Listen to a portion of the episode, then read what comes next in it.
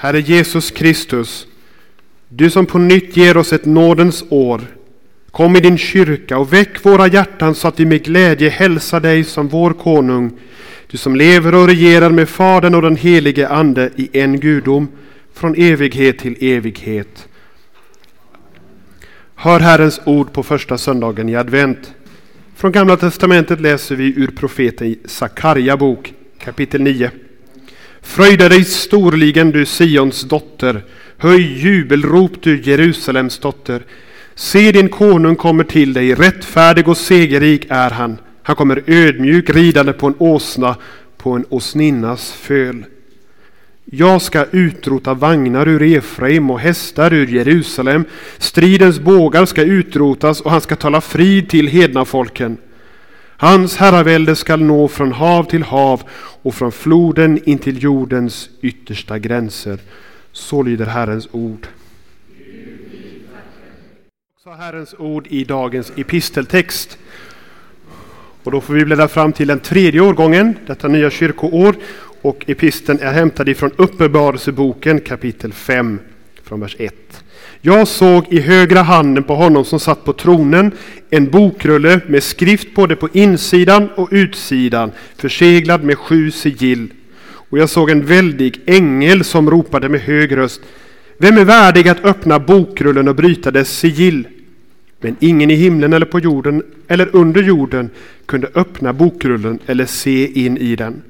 Och jag grät bittert över att det inte fanns någon som var värdig att öppna bokrullen eller se in i den. Men en av de äldste sa till mig, gråt inte, se, lejonet av Judas stam, Davids rotskott, har segrat och han kan öppna bokrullen och bryta dess sigill. Så lyder Herrens ord.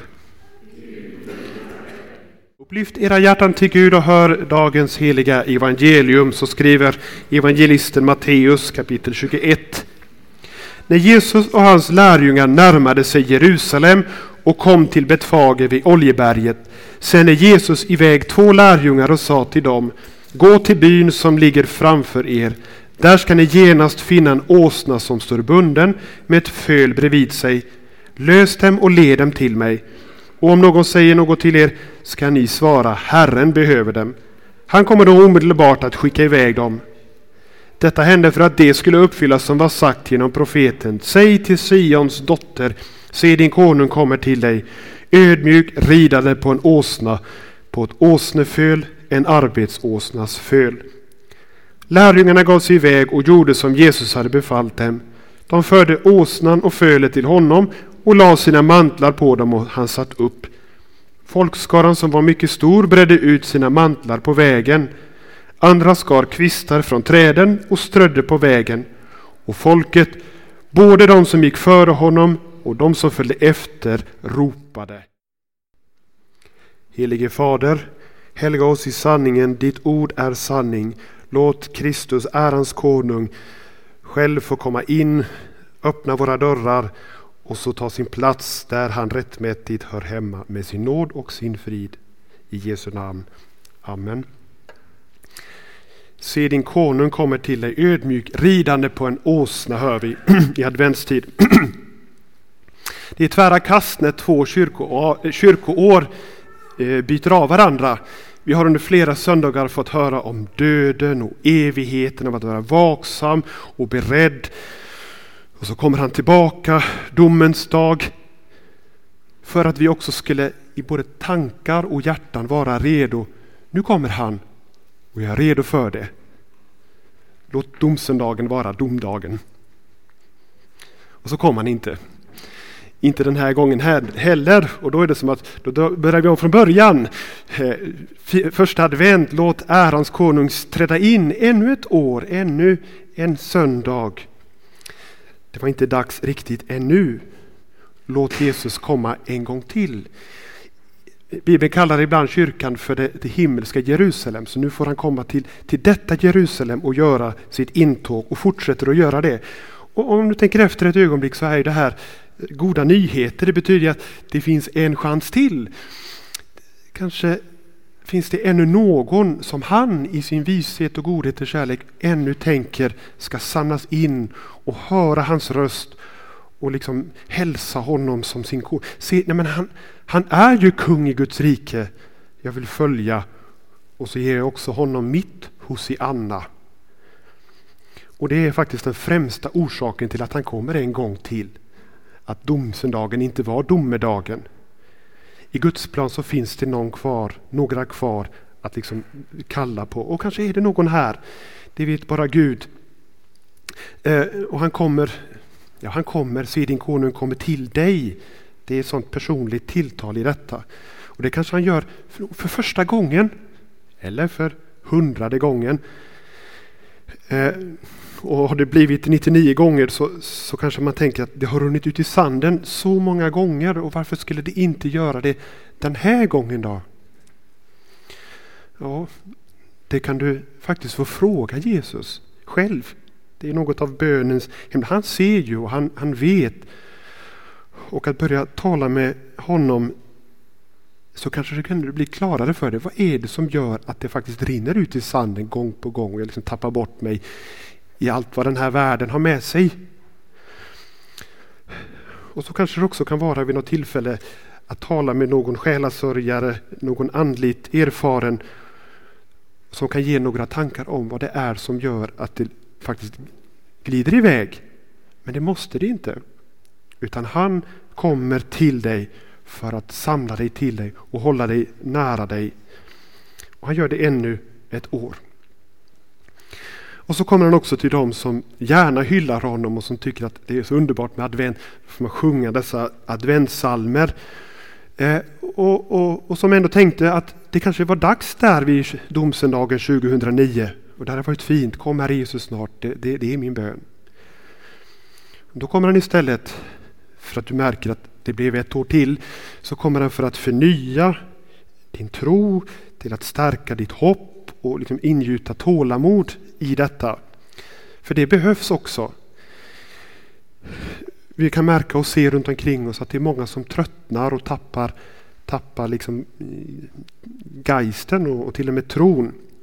Antalet gudstjänstfirare har ju minskat dramatiskt de senaste årtiondena.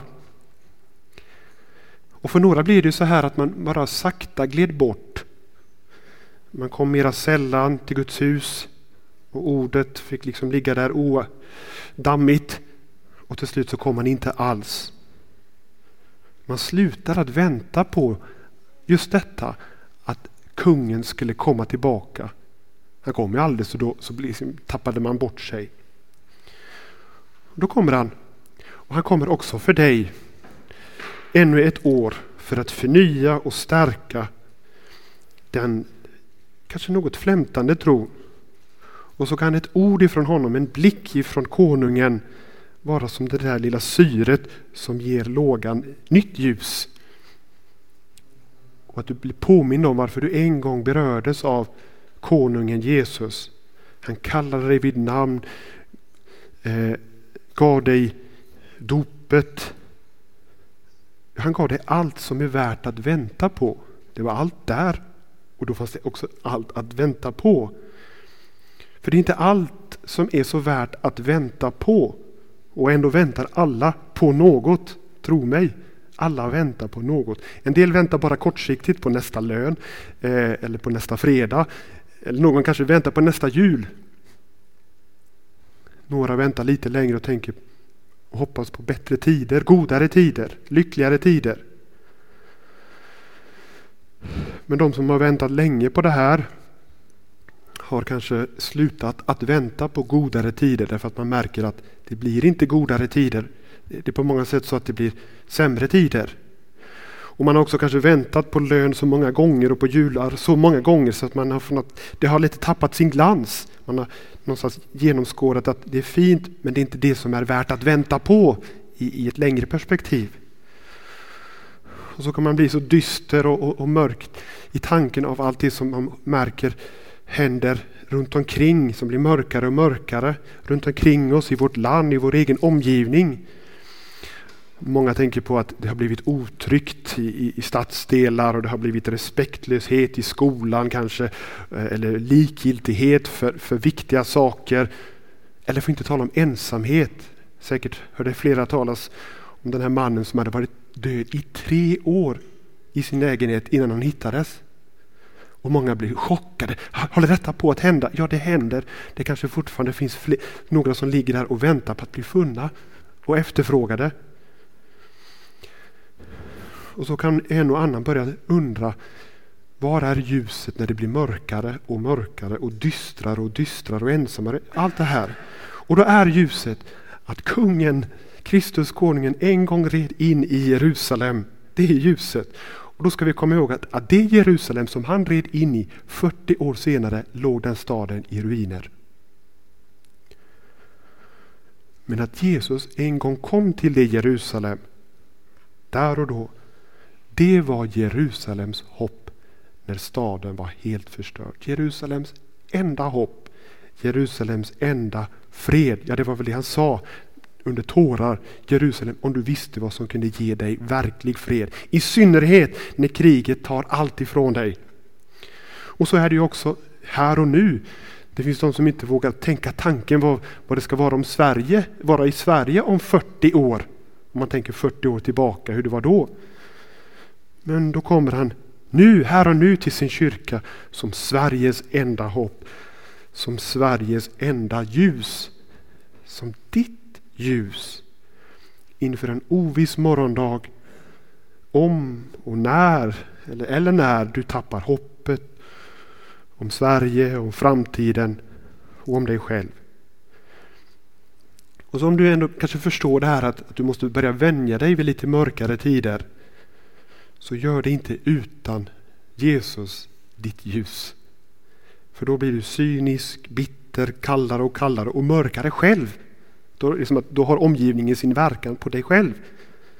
Utan vänta dessa tider och, och, och, och mörkret med honom som själv är den som håller uppe hoppet hos dig och som kan bevara denna låga tänd, hålla hjärtat varmt så att du förmår att tänka goda, hjälpsamma tankar för de medmänniskor och den omgivning som Gud har gett dig och mig. Och liksom förbli trogen i dina kallelser, inte ge upp. Förbli trogen i din omsorg om de andra, om barn och, och andra som kommer i din, i din väg.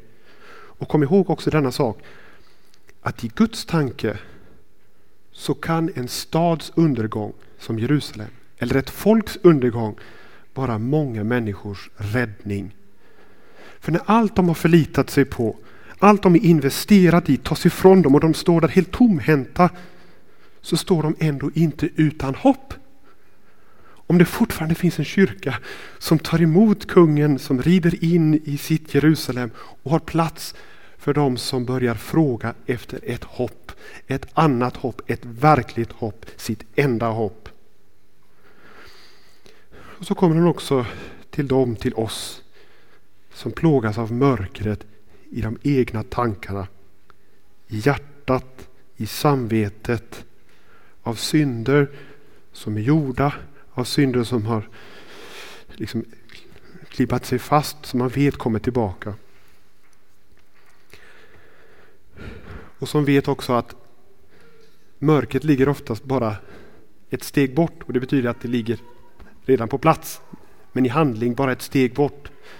Som kan ana att det som hände sedan några dagar senare i Jerusalem skulle kunna vara min egen verklighet, min egen skräck. Jag ser mig själv kanske som, som Petrus där, när det börjar bli hotfullt kring Jesus så, så fegar han ut och flyr. Jag ser denna fruktan hos mig själv den svaghet som gör att jag flyr och förnekar och inte bekänner honom. Och jag är gärna med i den stora hyllningskören som ropar Hosianna när han rider in Jerusalem. Men jag kan också se mig själv med de lärjungar som överger honom en efter en. Och så står ensam där vid korset, det gör hans mor. Ja, det kan en mor göra, var ska hon stå? Men jag, var är jag? När det är allt jag ser, mörker, död, en kung med krona som driver fram blodet ur hans kropp. Och jag kan stå och vara så glad när han mättar 5000 med bröd och människor kom och sa kan du inte bli vår kung? Och han botade människor med alla sorters möjliga och omöjliga sjukdomar. Så att han hade verkligen hela mitt stöd när han red in där i Jerusalem. Kom och var vår kung Jesus. Jag är gärna med i dessa goda krafter mot de onda krafterna i vår värld. Men ändå låter jag honom vara kung. Så att jag följer honom vart han än går. Vad han än säger. Vad han än gör. Eller när tappar jag lusten och viljan och tron till att gå med honom?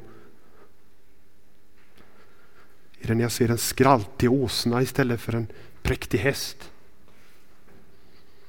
Är det när jag ser att han tas till fånga, misshandlats och det blir direkt farligt att vara med honom. Och för så många kristna är det farligt att vara med honom. Eller när jag ser honom korsfäst. Han ropar från korset, min Gud varför har du övergivit mig? Och det är mörkt och, och dött. Ingen annan där. Hur många måste jag ha runt omkring mig för att jag ska vara kvar? Eller när jag långt senare ser det som har blivit hans kyrka på jorden. Där han lovat att vara. Hur bra och hur bekvämt måste det vara? Hur många grader på elementet? Eller hur fantastiska måste hans lärjungar vara? Hur många?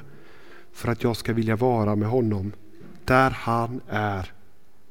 Vilka är det egentligen som är de goda krafterna i den här världen? Är det inte han och ensam han? Frälsaren för oss alla, där jag inte kan peka på någon ond och säga vi mot dem, ja Jesus mot de onda. Utan jag måste säga han den gode, Jesus den gode mot oss.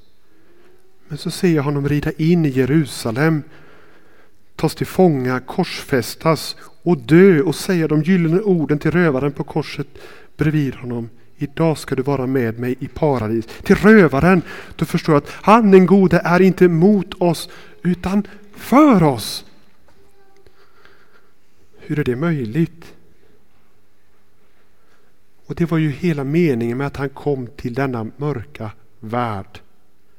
Att vara med oss och till slut på korset också för oss. Han red in där i Jerusalem liksom för att han kunde, han kunde vänt i backen när han såg liksom, vad är det som väntar här. Nej, men istället så valde han att, att omslukas av de onda krafterna, av människors ondska. Den ondska som, som, som lägger sina vantar på honom. Som driver ut honom. Som förkastar honom. Som korsfäster honom och i Guds ofattbara rådslut så är han just på detta sätt Guds lam som bär världens synd, som tar bort världens synd. Till och med just den ondska som han låter drabba honom själv. Och då får du räkna in alla synder som också du har liksom lagt på honom. Som du, nu tänker att han liksom bokstavligt talat rider in här så finns också där alla tankar, ord, gärningar som dina liksom, händer får, får lägga på honom. Och som där på korset straffas för allt ont, för alla synder, för all ondska. Och så förstår jag att han är den goda kraften. Inte mot mig och mina onda krafter utan för mig men mot alla mina onda krafter inom mig och så god att han bär det inom sig själv. In under Golgata kors och Guds vrede som väntar. Och i så stor kärlek till dig och till mig att inget av det som är mörkt och svårt och som ditt samvete plågar dig för skall räknas mot dig eller liksom ställas dig till svars till slut. Och skulle du komma liksom till en botten av dig själv och du säger nu är det bara mörker så är mörkret ändå inte mörkt därför att där möter världens ljus, Jesus själv som har burit alla dina synder så att det finns inte ett bottenlöst mörker utan ett ljus som väntar på botten. Inget mörker är större än det mörker än det som han gick igenom för att skona dig ifrån det mörkret. Övergiven av Gud för syndens skull. Det är inte ditt, det är hans. Så nu säger jag på nytt de här orden. Se, din konung kommer till dig. Det här är samma kung och han kommer till det här Jerusalem och han backar inte. Även om kanske någon backar där i dörren. När han ser vad det är för människor här inne. Men han backar inte. Inte den här gången heller. För han är faktiskt svaret på den bön som du så stämningsfullt sjöng. Hosianna, vet du vad det betyder? Det är väl din bön. Herre fräls. Ja, det är hans önskan att frälsa. Låt väl gå. Och det går väl när Jesus får komma, komma in, bli kvar med hela sin nåd och hela sitt frälsningsverk. Välsignad vare han, han som kommer igen och igen och håller denna flämtande låga brinnande när det är så mycket mörker. Inte bara runt omkring dig utan också inom dig. Och som också dukar upp sitt bord med löftet om att Kristi kropp och blod ska vara för dig och med dig och när du går härifrån får säga också i mig. Med syndernas förlåtelse, med liv, med hopp och med ljus, precis som vi hörde Elina i detta ord ifrån skriften. Han var människornas ljus. Han är ljus, ditt ljus och mörkret har inte övervunnit det. Amen. Låt oss be. Kom snart till mig, o Jesus kär. För dig mitt hjärta öppet är. Kom in med nåd och salighet och bli där kvar i evighet. O Jesus, kom och stärk min tro och hjälp mig till din himlaro. Jag kommer snart, o kära själ. Ja, amen. Kom, nu är mig väl. Amen. Låt oss så stå upp och tillsammans bekänna vår heliga kristna tro med den essenska tronsbekännelsen. Jag tror på en enda Gud, allsmäktig Fader, skapare av himmel och jord, av allt vad synligt och osynligt är. Och på en enda Herre, Jesus Kristus, Guds enfödde Son, född av Fadern före all tid, Gud av Gud, ljus av ljus, sann Gud av sann Gud. Född och icke skapad, av samma väsen som Fadern, på honom genom vilken allting är skapat, som för oss människor och för vår salighets skull har stigit ned från himlen och tagit mandom genom den helige Ande av jungfrun Maria och blivit människa, som och har blivit för oss korsfäst under Pontius Pilatus, lidit och blivit begraven, som på tredje dagen har uppstått efter skrifterna och stigit upp till himmelen och sitter på Faderns högra sida, därifrån igenkommande i härlighet till att döma levande och döda, på vilkens rike icke skall varda någon ände, och på den helige Ande, Herren och livgivaren, som utgår av Fadern och Sonen, på honom som tillika med Fadern och Sonen tillbedes och äras och som har talat genom profeterna och på en enda helig, allmännelig och apostolisk kyrka. Jag bekänner ett enda dop till syndernas förlåtelse och förväntar de dödas uppståndelse och den tillkommande världens liv. Amen.